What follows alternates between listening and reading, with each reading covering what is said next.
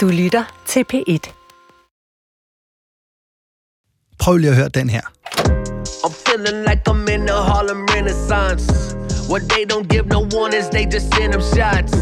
Got money on the mind, I'm thinking bigger not. Det er rapperen Joe Cool, som her i sommeren 2022 har udgivet en sang, der hedder Kasper Holstein. Eller Kasper Holstein. But for now, the numbers, Casper Holstein.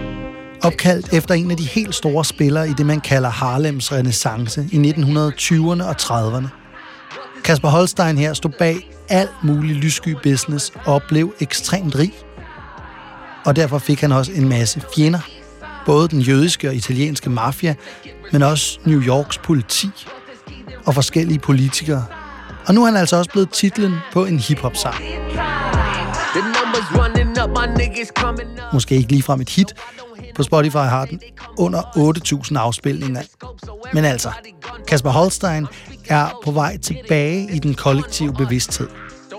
Der er også en karakter i HBO-serien Boardwalk Empire, der er baseret på ham. Og nu vil jeg så over fire episoder fortælle jer alt, hvad jeg ved om ham. Mit navn er Emil Rothstein Christensen. Det her er Det Lovløse. Og her kommer musikken.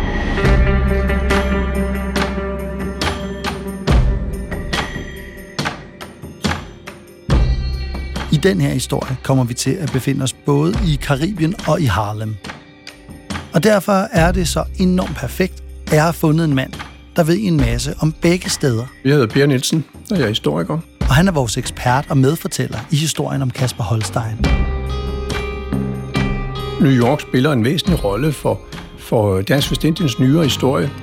Der ligger nogle, nogle spændende vinkler på Danmarks historien og venter i Harlem.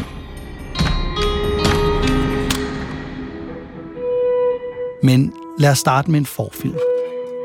Sådan en rigtig stemningsmættet teaser for, hvad der kommer til at ske senere hen i historien.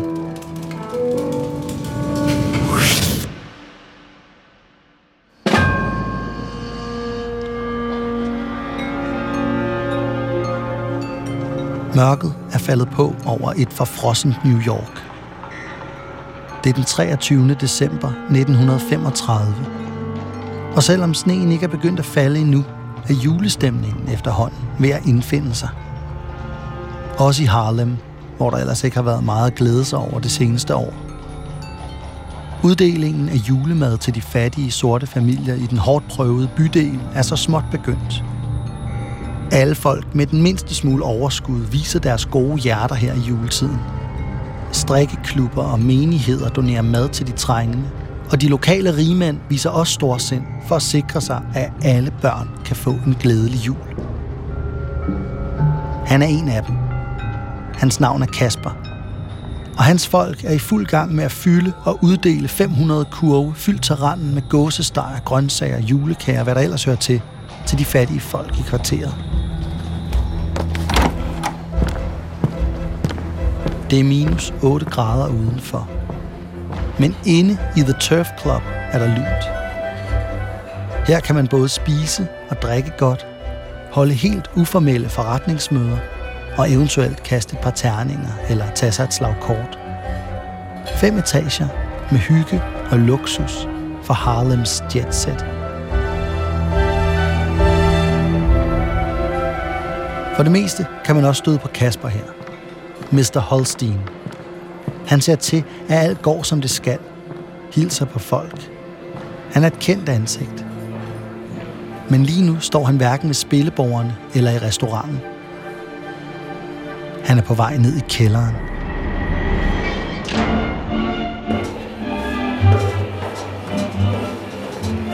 Et par etager over ham kan han høre orkestret, der allerede har åbnet ballet. Selvom det er mandag. Der er altid gang i biksen. Han er, som sædvanligt, ulastligt klædt i smoking. Og selvom man siger, at han er god for flere millioner af dollars, opfører han sig altid høfligt og venligt og respektfuldt over for sine ansatte. Og folk i det hele taget. Han er en respektabel mand. Nede i kælderen går han målrettet mod en helt bestemt dør. Han skal mødes med to kvinder, der skal ordne noget for ham. Han åbner den og træder ind i det svagt oplyste lokale. Men der er noget galt. De to kvinder er der, men de er ikke alene. Der er også en mand. Ikke en af de gentlemen, der normalt frekventerer klubben. Ham her er hvid, og han har politiuniform på. Kasper og de to kvinder bliver lagt i håndjern og ført op i politibilen, der venter udenfor.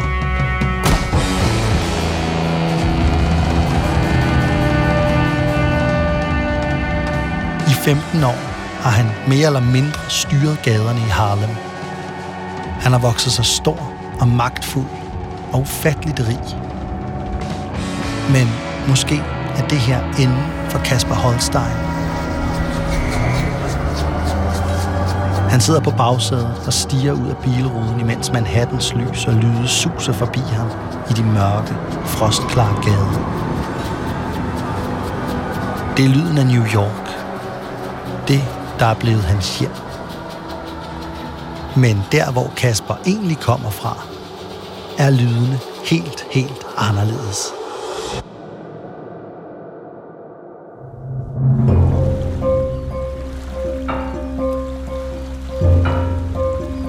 Sådan.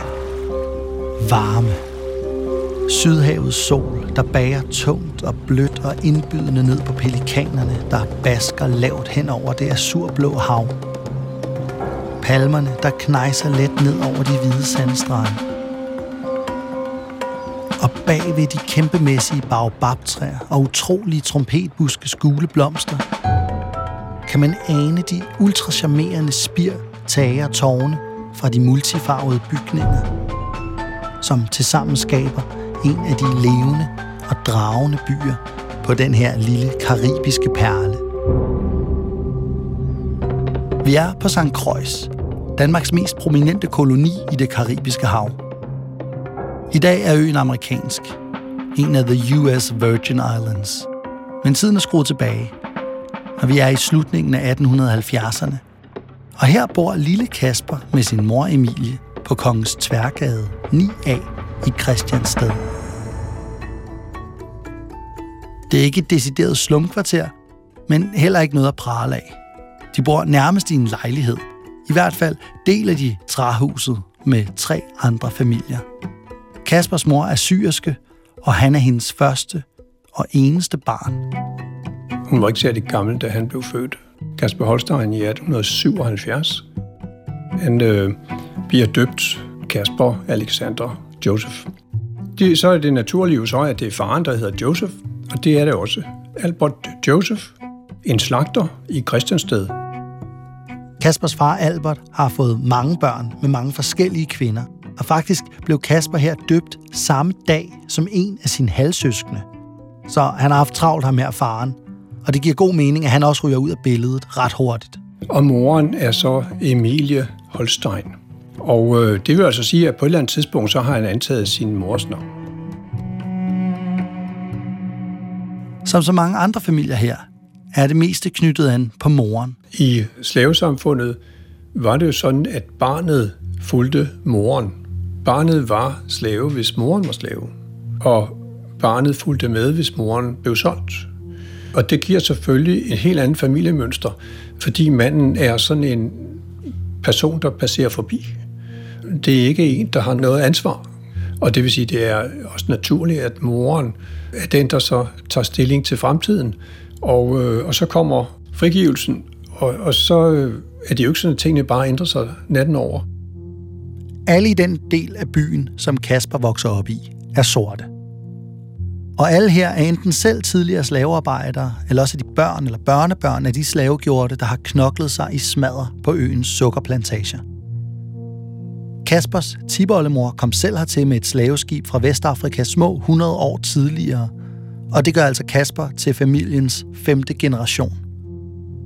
I løbet af de foregående generationer har der så også været et par danske mænd på spil hister her, hvilket også har givet Kasper en del europæiske træk. Der er i det hele taget sket en hel del i løbet af Kaspers families 100 år på øen. Det klart allerstørste og mest betydningsfulde er selvfølgelig, at alle de tidligere slavegjorte er frie nu. Men det er ikke helt den frihed, som mange af dem måske havde drømt om eller forestillet sig. De sorte er blevet underklasse, og de fleste her lever et ret forarmet liv. Faktisk er lille Kasper heldig, fordi han overhovedet er overlevet. I 1870'erne, hvor han bliver født, så er børnedødeligheden næsten 50 procent højere end fødselstallene på øen, fordi forholdene for de tidligere slaver er så elendige. Imens jeg har siddet og læst mig længere og længere ind på Kasper Holsteins liv, så er der noget, jeg har tænkt en del over. Og det er, hvordan den danske kobling egentlig er. Altså, hvordan så de her slavegjorte, eller måske især deres efterkommers status ud i den danske koloni? Altså, blev de opfattet som danskere, eller var de noget helt andet? Hvis man var født på dansk jord, så havde man de samme rettigheder, uanset om man var født i Randers eller i, i øh, St. Croix. Der gør sig så nogle forskelle gældende, fordi øerne var altså ikke repræsenteret i, i rigsdagen. De havde ikke medlemmer i Folketinget. Men de havde altså statsborgerskab og havde ret til at rejse til Danmark og kunne slå sig ned der. Så på den måde så gælder der altså de samme øh, rettigheder der. Alle, der er født på St. Croix, er altså danske statsborgere. Og det bliver faktisk arrangeret allerede inden slaveriet er afskaffet, at de her formelt danske statsborgerbørn af slaver også skal gå i skole. Statens øverste embedsmand på det tidspunkt i, i 1840'erne, Peter von Scholten, han havde den ambition, at når en dag slaveriet faldt, og det var han ikke i tvivl om, at det ville gøre, øh, så galt det om at få forberedt befolkningen så godt som muligt. Det vil sige, blandt andet, de skulle kunne læse og skrive. Og ambitionerne er jo sådan set bare, at det skal følge det danske. Vel at mærke med den undtagelse, at de har et andet sprog. At folk taler engelsk. Når man sidder og kigger på karakterlisterne fra øh, kommuneskolen i Christiansted på St. Croix, så kan man se, at de øh, får karakterer i øh, engelsk skrivning og læsning og engelsk grammatik, men i dansk får de bare én karakter. Dansk har været et mindretalssprog. Men hvis vi lader som om, at man havde kastet sig ud i projektet og havde fået i hvert fald halvdelen af befolkningen til at tale dansk, så er det jo ikke sikkert, at man har solgt øerne i 1917. Kan man sælge nogen, der taler dansk? Måske er det derfor, man har solgt Dansk Vestindien. De gik bare rundt herovre og talte engelsk. Det her med øerne, som bliver solgt til USA, det ligger stadig cirka 40 år ude i fremtiden i forhold til der, hvor vi er i Kaspers historie. Så det parkerer vi lidt. Det vi har at gøre med her, det er en lille dreng, Kasper, som vi ved har dansk blod i årene, både på farens og morens side, men som snakker engelsk derhjemme og lærer dansk i skolen. Og formentlig ved han godt allerede her, hvorfor han gør det. At det handler om slaveri. Og det er så stor en ting, at jeg gerne vil tage jer alle sammen med på en god gammeldags detur og fortælle en komprimeret udgave af historien om, hvordan slaveriet i de danske kolonier i Karibien ophører. Og jeg skal nok få flettet Kasper ind løbende, men historien her er altså også ret god i sig selv. Okay. I aller allerførste afsnit af De Lovløse. Det, der handler om Jokum Gulliksen, som begik et forfærdeligt myteri, fortalte jeg lidt af historien om Danmarks første forsøg på at blive en stolt og dygtig slavenation. Det, det er 1600-tallets kryptovaluta. Det er her, pengene kan skabes. De har kigget på de steder, hvor det lykkedes, og så har de tænkt, fuck yes. Og med tiden får man forfinet, for ikke at sige brutaliseret, metoderne for at få den her arbejdskraft. Og pengene begynder at vælte ind, og alle de afrikanske slavearbejdere har det redselsfuldt. Men så, i midten af 1800-tallet, sker der noget. Flere steder i verden er slavegjorte begyndt at få deres frihed. Det er selvfølgelig ikke bare lykke eller noget, men det er et skridt i den rigtige retning.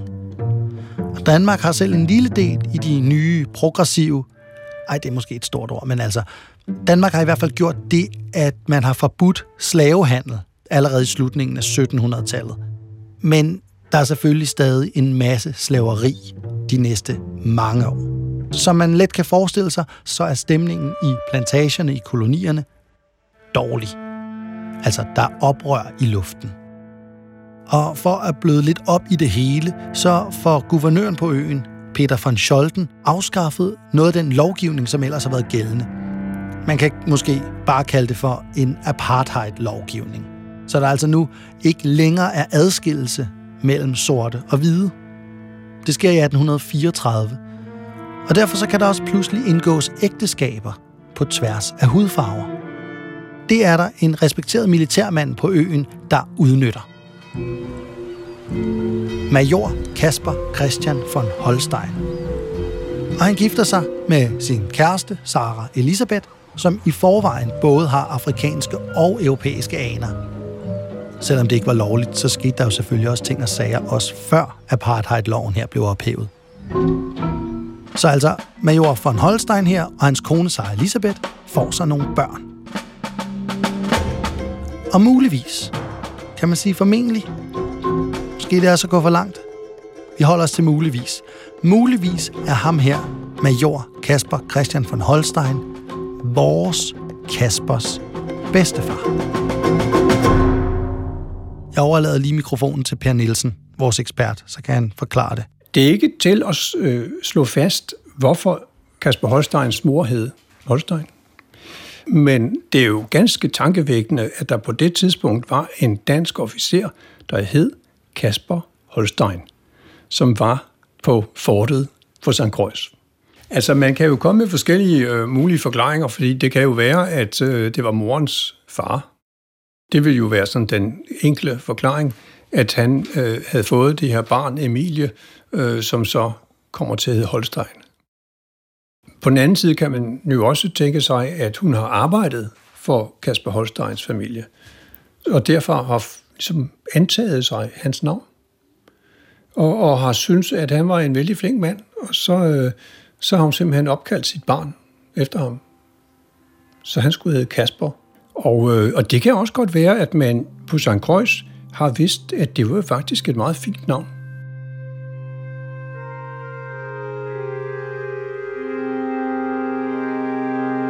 Ophævelsen af apartheidloven var ikke helt nok til at holde gemytterne blandt de slavegjorte nede. Langt fra.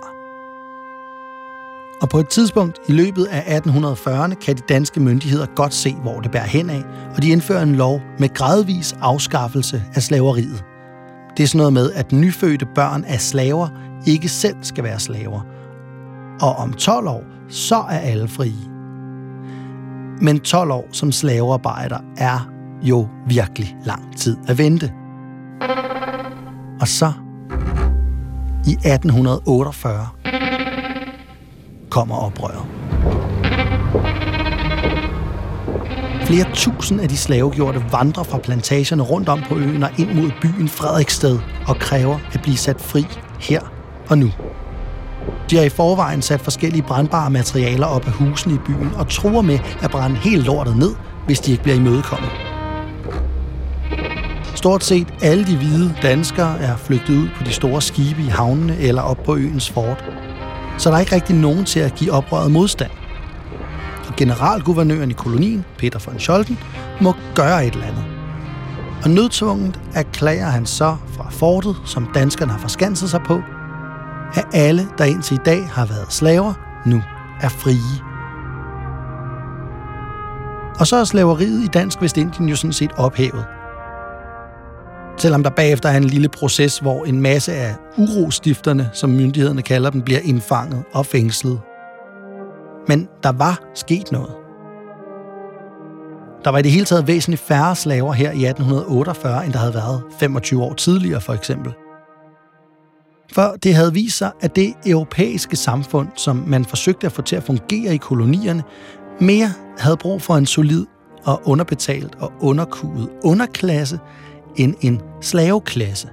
Man befinder sig i det her overgangssamfund mellem slaveri og så det moderne kapitalistiske samfund. Og det, som jeg synes er interessant lige netop med den her periode, det er faktisk, at det, der sker, ligner på mange punkter det, der sker i Danmark, det, der sker i Europa og Nordamerika i øvrigt.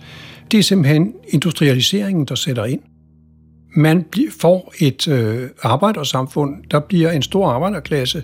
Så det er sådan et helt andet øh, samfund. Et moderne, industrialiseret, vestligt samfund, som Dansk Vestindien er på vej ind i. Men der er jo selvfølgelig nogle efterslæb fra slaveriet, og det gør sig især gældende i øh, landarbejdersituationen. Landarbejderne bliver ansat på ubrydelige etårige kontrakter til en fuldstændig absurd lav løn. Og den eneste nye fleksibilitet er, at arbejderne nu kan skifte arbejdsplads, når deres kontrakter udløber. Altså, de kunne vælge at arbejde i marken på en af de andre plantager, i stedet for den, de plejede at være på. Det er der jo sådan set ikke noget fremmedartet i, fordi sådan var det også i Danmark. Men situationen er jo bare, at de her mennesker selvfølgelig har oplevet, at nu blev de frie, og så viste det sig, at myndighederne gjorde alt, hvad de kunne for at binde folk på hænder og fødder for at sikre sig, at man stadigvæk havde arbejdskraft.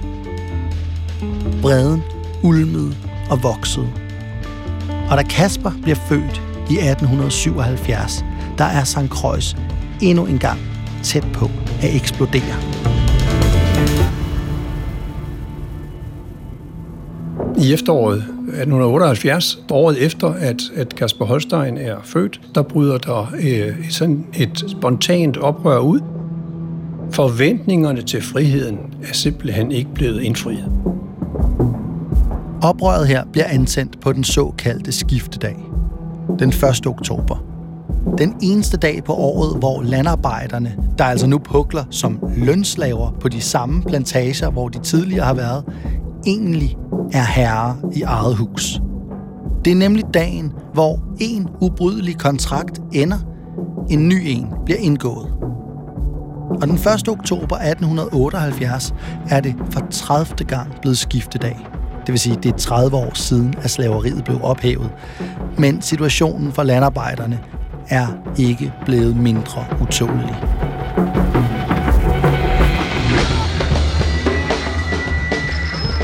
Arbejdere fra nogle af plantagerne på øen er taget til storbyen i Frederiksted. Det var i byens storhedstid, der boede over 3.500 mennesker. Og her er der et eller andet, der går helt galt. Brand, vold, herværk, mor.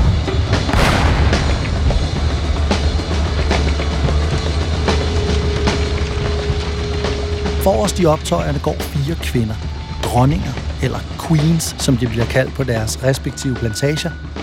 Og ifølge legenden, så skulle de her fire queens, godt fyldt op med sukkerrørsrom og med røde faner og macheter og fakler i hænderne, have turneret rundt på øen og gejlet arbejderne på plantagerne op, inden de så i samlet flok stak ild på alt, hvad de kunne komme i nærheden af. Huse, marker, gårde, der er altså ild overalt. Halvdelen af Frederiksted bliver brændt ned, og 50 plantager ryger samme vej. Og det bryder myndighederne og plantageejerne sig selvfølgelig ikke om. Så hæren sætter ind meget hårdt. Og de begynder at skyde. Og flere plantageejerne følger trop. Og det bliver blodigt. Der bliver skudt noget i stil med 250 sorte plantagearbejdere den dag og aften. Og da optøjerne efterhånden er blevet slået helt ned, så er 400 mennesker blevet arresteret. 12 af dem bliver henrettet med det samme, bare for at statuere et eksempel. Og så er der 39, som bliver deporteret til København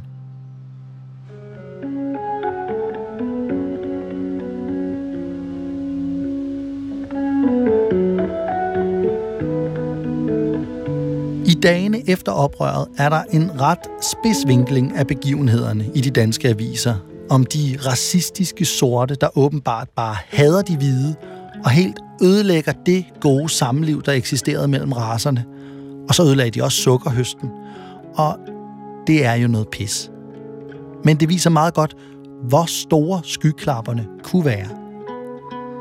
Og det er altså i den her underlige spændte situation, at Kasper Alexander Joseph Holstein vokser op. Med et dansk klingende navn og dansk familiebaggrund, men med en afrokaribisk selvbevidsthed. Og selvom det her oprør foregår imens Kasper stadig kun er baby, så har det utvivlsomt sat sine spor i både ham og hans familie. I hvert fald kommer han senere i sit liv til at støtte arbejderklassen på sin fødeø og kæmpe for sortes og kvinders rettigheder overalt.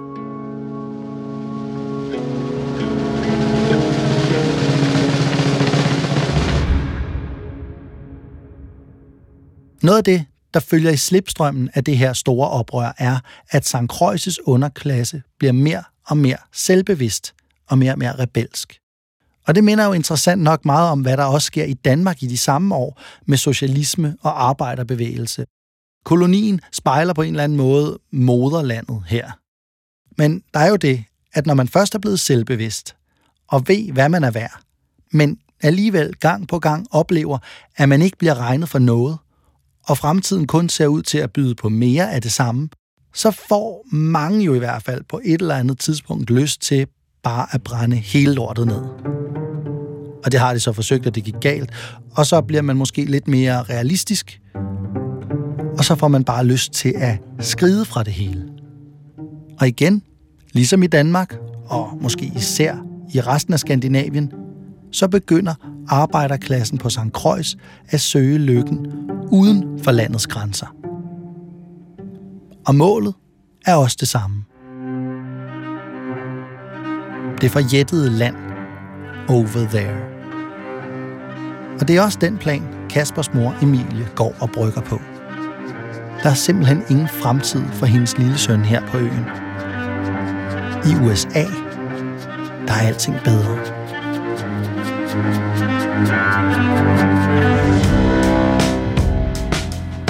Der er forskellige kilder, der nævner forskellige tidspunkter for, hvornår Kasper og hans mor sejler til New York. Nogle siger 1884. Det ville betyde, at Kasper kun var syv år gammel. Andre kilder siger 1894. I så fald ville han være 17 år gammel. Og så er der dem, der siger, at han var 10-11 år gammel. Og det synes jeg, vi skal holde os til. Det passer også fint med, at han både når at gå i skole i New York, men at han også har været gammel nok til tydeligt at kunne huske sin opvækst på de dansk-vestindiske øer. Pragmatisk historieskrivning. Så. Året er altså 1888 eller deromkring.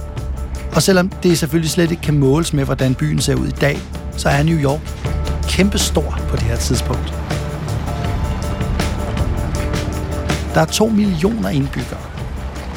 Og hvis jeg har regnet rigtigt i forhold til de statistikker, jeg har kigget på, kvadratmiles til kvadratkilometer og den slags, så er der en befolkningstæthed på mindst 20.000 mennesker per kvadratkilometer. Det er meget, er jeg ret sikker på. 4-5 år tidligere er verdens 8. vidunder, den fabelagtigt store Brooklyn Bridge, blevet åbnet, og den har fået forbundet det sydlige Manhattan med Brooklyn. Og det får, sammen med en masse andre nye byggerier og nye tilflyttere, Harlem til at gå fra at være sådan en lidt søvnig forstadsbydel til at blive en helt central og pulserende del af New York City.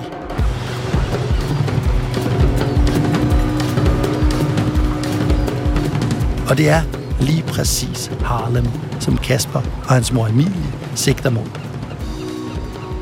Så 11-årige Kasper og hans mor bevæger sig fra havnen igennem et mylder af mennesker og mursten, som de aldrig har set før. Det er simpelthen en anden virkelighed. Høje, røde murstensbyggerier så langt øjet rækker, og uendelige brostensbelagte gader. Og så er der sporvogne, som bliver trukket af heste. Hele vejen til Harlem. Og Harlem bliver også vores næste stop. I næste episode af De Lovløse.